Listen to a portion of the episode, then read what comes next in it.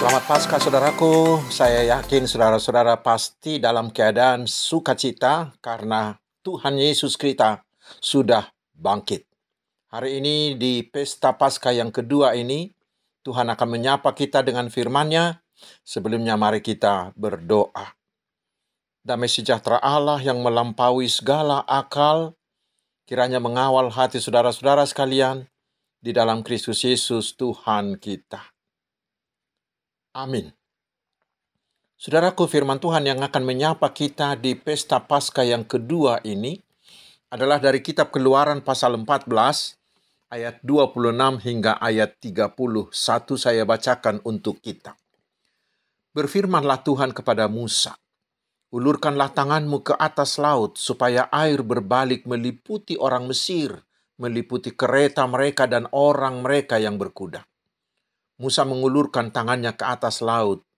Maka menjelang pagi berbaliklah air laut ke tempatnya, sedang orang Mesir lari menuju air itu.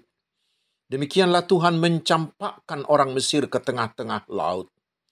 Berbaliklah segala air itu, lalu menutupi kereta dan orang berkuda dari seluruh pasukan Firaun yang telah menyusul orang Israel itu ke laut. Seorang pun tidak ada yang tinggal dari mereka. Tetapi orang Israel berjalan di tempat kering dari tengah-tengah laut, sedang di kiri dan di kanan mereka air itu sebagai tembok bagi mereka. Demikianlah pada hari itu Tuhan menyelamatkan orang Israel dari tangan orang Mesir dan orang Israel melihat orang Mesir mati terhantar di pantai laut. Ketika dilihat oleh orang Israel betapa besarnya perbuatan yang dilakukan Tuhan terhadap orang Mesir, maka takutlah bangsa itu kepada Tuhan, dan mereka percaya kepada Tuhan dan kepada Musa hambanya itu. Demikian firman Tuhan. Saudara-saudaraku yang diberkati Tuhan Yesus Kristus, kita pasti pernah mengalami kondisi yang kritis ketika kita menghadapi masalah yang sangat pelik, sepertinya buntu, sepertinya tidak ada jalan keluar. Terutama itu mungkin kita alami di masa-masa pandemi COVID-19 ini. Saudaraku di keadaan seperti itu, apa yang harus kita lakukan? Firman Tuhan di pesta Paskah kedua ini mungkin bisa memberi kita pencerahan. Karena sama seperti itulah yang dialami oleh bangsa Israel di Nats ini bila kita membacanya mulai dari ayat pertama dari pasal ini. Mereka sudah dibebaskan Tuhan dari perbudakan yang sangat menyakitkan di Mesir. Tetapi ada yang aneh di ayat 1. Setelah keluar dari Mesir, anehnya Tuhan menyuruh mereka balik kembali dan berjalan menyusuri jalan yang sangat panjang Padahal ada jalan yang sangat singkat. Dan Tuhan menyuruh mereka berkemah di tepi laut ayat 20. Lalu Tuhan mengeraskan kembali hati Firaun sehingga Firaun menyesal telah mengizinkan Israel keluar. Kemudian dia menyiapkan pasukan terbaiknya. Dia langsung memimpin pasukan untuk mengejar Israel, untuk membawa mereka pulang ke Mesir. Saudaraku, saat itulah Israel berada dalam kondisi kritis. Di depan mereka terbentang laut yang ganas yang tidak mungkin diseberangi dengan berjalan kaki karena mereka tidak memiliki perahu penyeberang. Sementara di belakang mereka pasukan Firaun mengejar. Mereka menghadapi jalan buntu. Kondisi mereka benar-benar kritis, buntu, tidak ada jalan keluar. Tentu Israel sangatlah ketakutan. Karena itulah mereka bersungut-sungut seperti kita baca di ayat 11 hingga 12. Tetapi sebenarnya saudaraku, Tuhan sengaja memilih cara itu. Mengapa? Pertama, bagi Israel inilah pelajaran dari Tuhan untuk membangun iman percaya mereka supaya mereka benar-benar percaya bahwa Tuhan yang membawa mereka keluar dari tanah Mesir itu adalah Allah yang sejati. Untuk itu, Musa meyakinkan mereka dengan berkata di ayat 13 hingga ayat 14, Janganlah takut, berdirilah tetap, dan lihatlah keselamatan dari Tuhan yang akan diberikannya hari ini kepadamu. Sebab orang Mesir yang kamu lihat hari ini tidak akan kamu lihat lagi untuk selama-lamanya.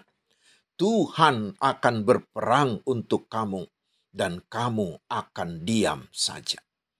Mereka harus diam supaya hatinya tenang dan bisa melihat dengan jelas. Tidak ada yang terlewat dari mata mereka untuk melihat bagaimana Tuhan bekerja. Mereka harus diam, tetapi Tuhanlah yang bekerja dan bertindak. Dan setelah melihat semuanya itu, mereka menjadi benar-benar percaya bahwa mereka telah bebas selama-lamanya dari perbudakan Mesir. Dan dengan itu, mereka juga menjadi benar-benar percaya bahwa Allah yang memanggil mereka adalah benar-benar dan satu-satunya Allah yang benar, Allah yang sejati, Allah yang maha kuasa. Dengan diam, mereka menyaksikan semua perbuatan Allah. Tetapi saudaraku itu tidak tidak terjadi dalam sekejap. Semuanya melalui proses. Lihatlah, Tuhan menyuruh Musa mengangkat tongkatnya dan mengulurkannya ke atas laut merah itu. Dan di situlah Tuhan menunjukkan bahwa dialah Allah penguasa segala alam semesta. Karena semalam-malaman itu Tuhan menyuruh angin timur menguakkan air laut hingga terbelah dan kering ayat 21 sehingga bangsa Israel yang jumlahnya hampir sejuta orang itu dan seluruh ternak dan milik mereka bisa berjalan tenang menyeberangi laut yang sudah kering itu. Dan setelah mereka tiba di seberang, di situlah mereka benar-benar telah bebas. Dan mereka benar-benar melihat kuasa Allah Yahweh yang tidak ada bandingnya itu. Itu yang pertama dan alasan yang kedua Mengapa Tuhan menggunakan cara kritis seperti ini? Ini menyangkut Firaun. Tuhan untuk terakhir kalinya mengeraskan hati Firaun agar Firaun menggunakan segala kemampuannya hingga yang paling puncak untuk melawan kehendak Allah. Dan setelah tiba pada puncaknya, di situlah Tuhan bertindak. Sebelum air laut itu terbelah, Tuhan menunjukkan kuasanya terhadap awa, terhadap alam. Tiang awan yang sebelumnya berjalan di depan Israel, sekarang bergerak ke belakang sehingga tiang awan itu mengantarai Israel dengan pasukan kegela dengan pasukan Firaun. Dan itulah menimbulkan kegelapan sehingga pasukan Firaun tidak bisa melihat barisan Israel. Dan kemudian, setelah semua bangsa Israel menyeberang, pasukan Firaun itu pun tibalah di Laut Merah yang sudah menjadi kering itu. Mereka juga mungkin ikut kagum. Dan mereka turut menikmati mujizat, mujizat Tuhan melalui laut yang terbelah itu. Tetapi untuk apa? Mari, saudaraku, lihat apa yang terjadi kemudian.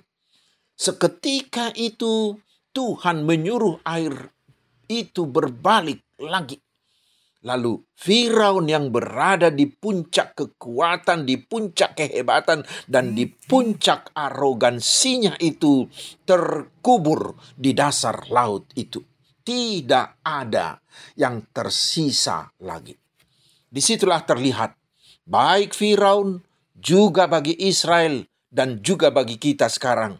Bagaimanapun kehebatannya itu, bagaimanapun kehebatan manusia yang melawan Allah itu, itu hanyalah seperti sebutir debu ketimbang kuasa Allah Yahweh.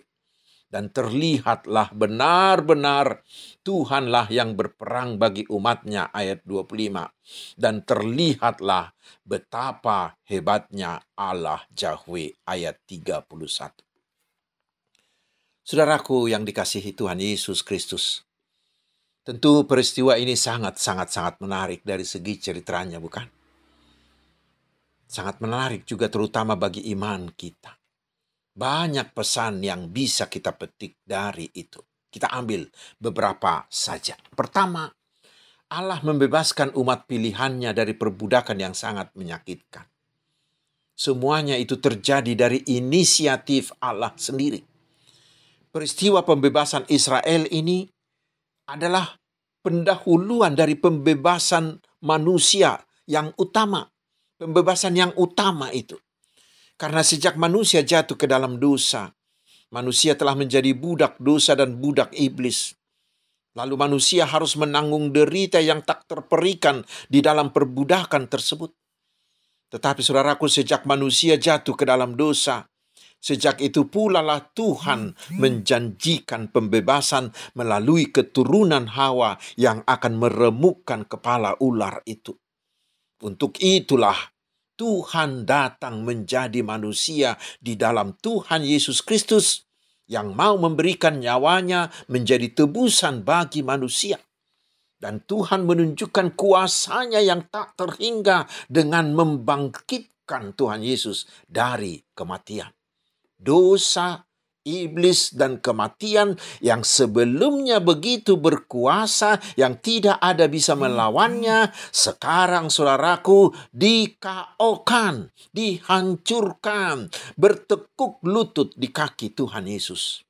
Dan Yesus merampas dan membawa umat umat manusia keluar dan bebas dari penjara perbudakan dosa itu.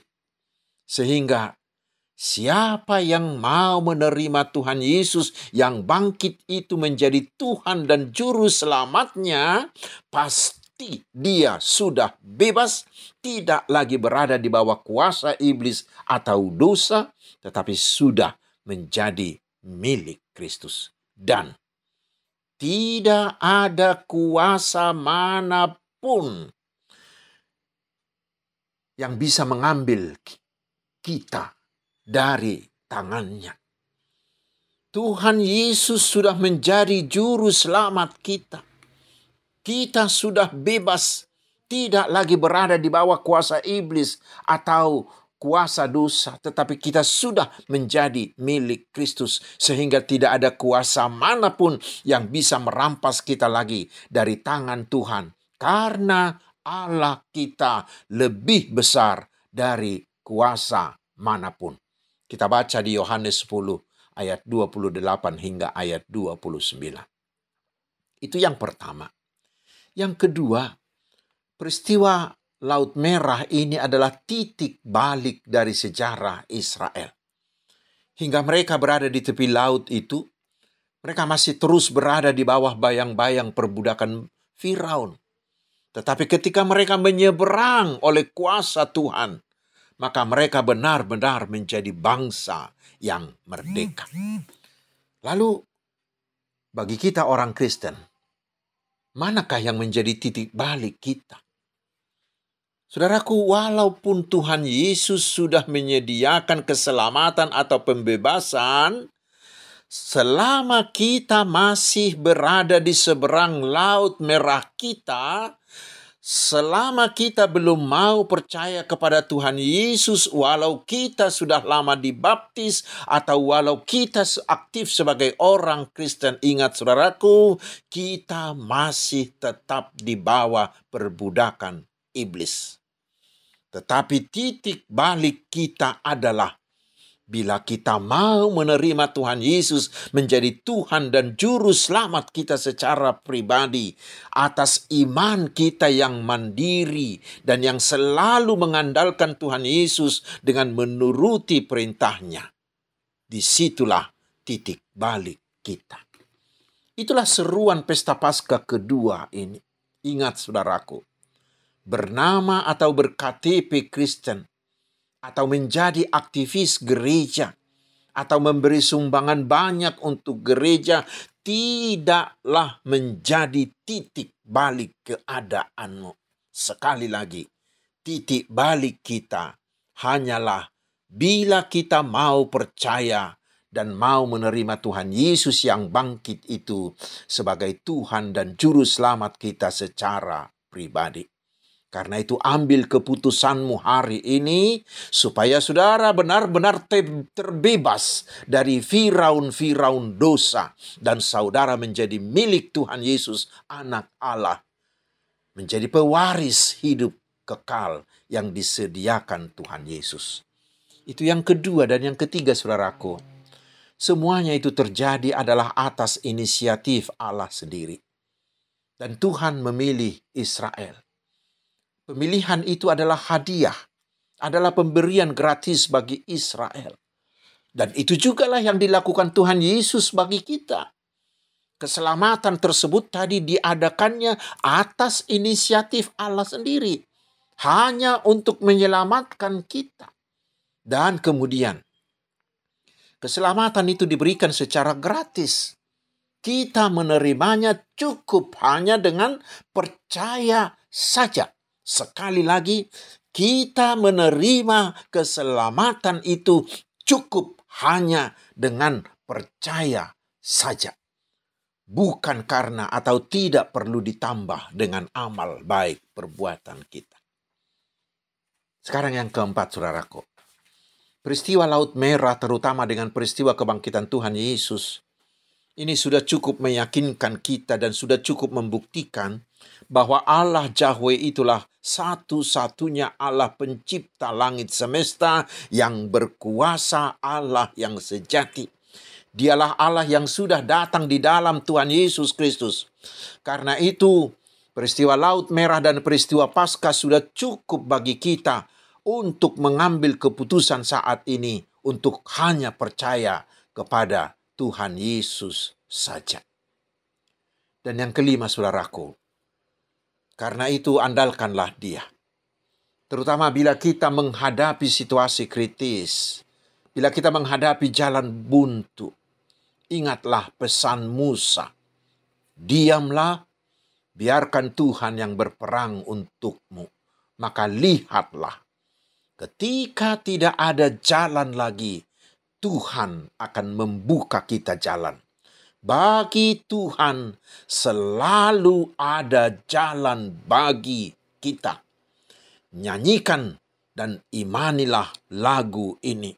Ku tahu Tuhan pasti buka jalan.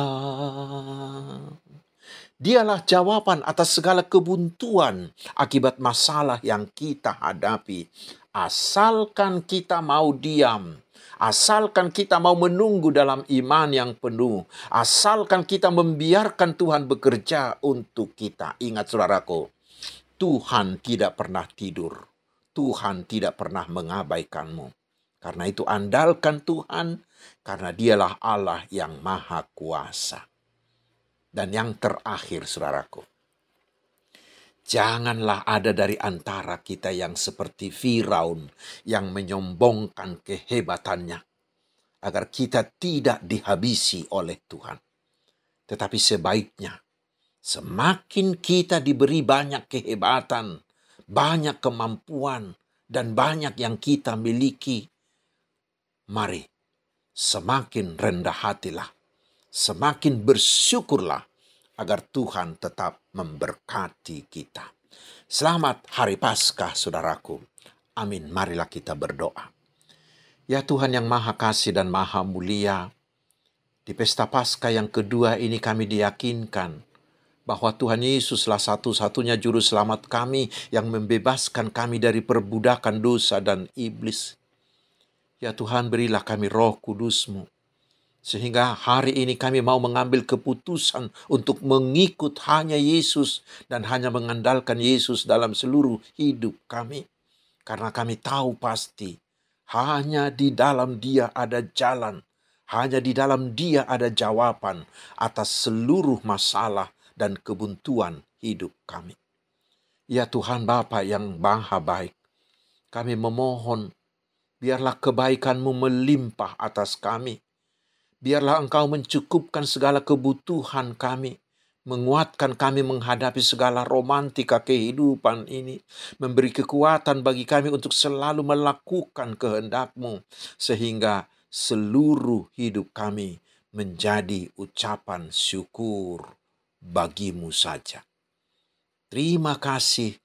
Terpuji namamu Allah yang maha besar dan maha agung. Di dalam nama Tuhan Yesus Kristus yang sudah bangkit. Dan biarlah kehendakmu yang jadi atas kami. Damai sejahtera Allah yang melampaui segala akal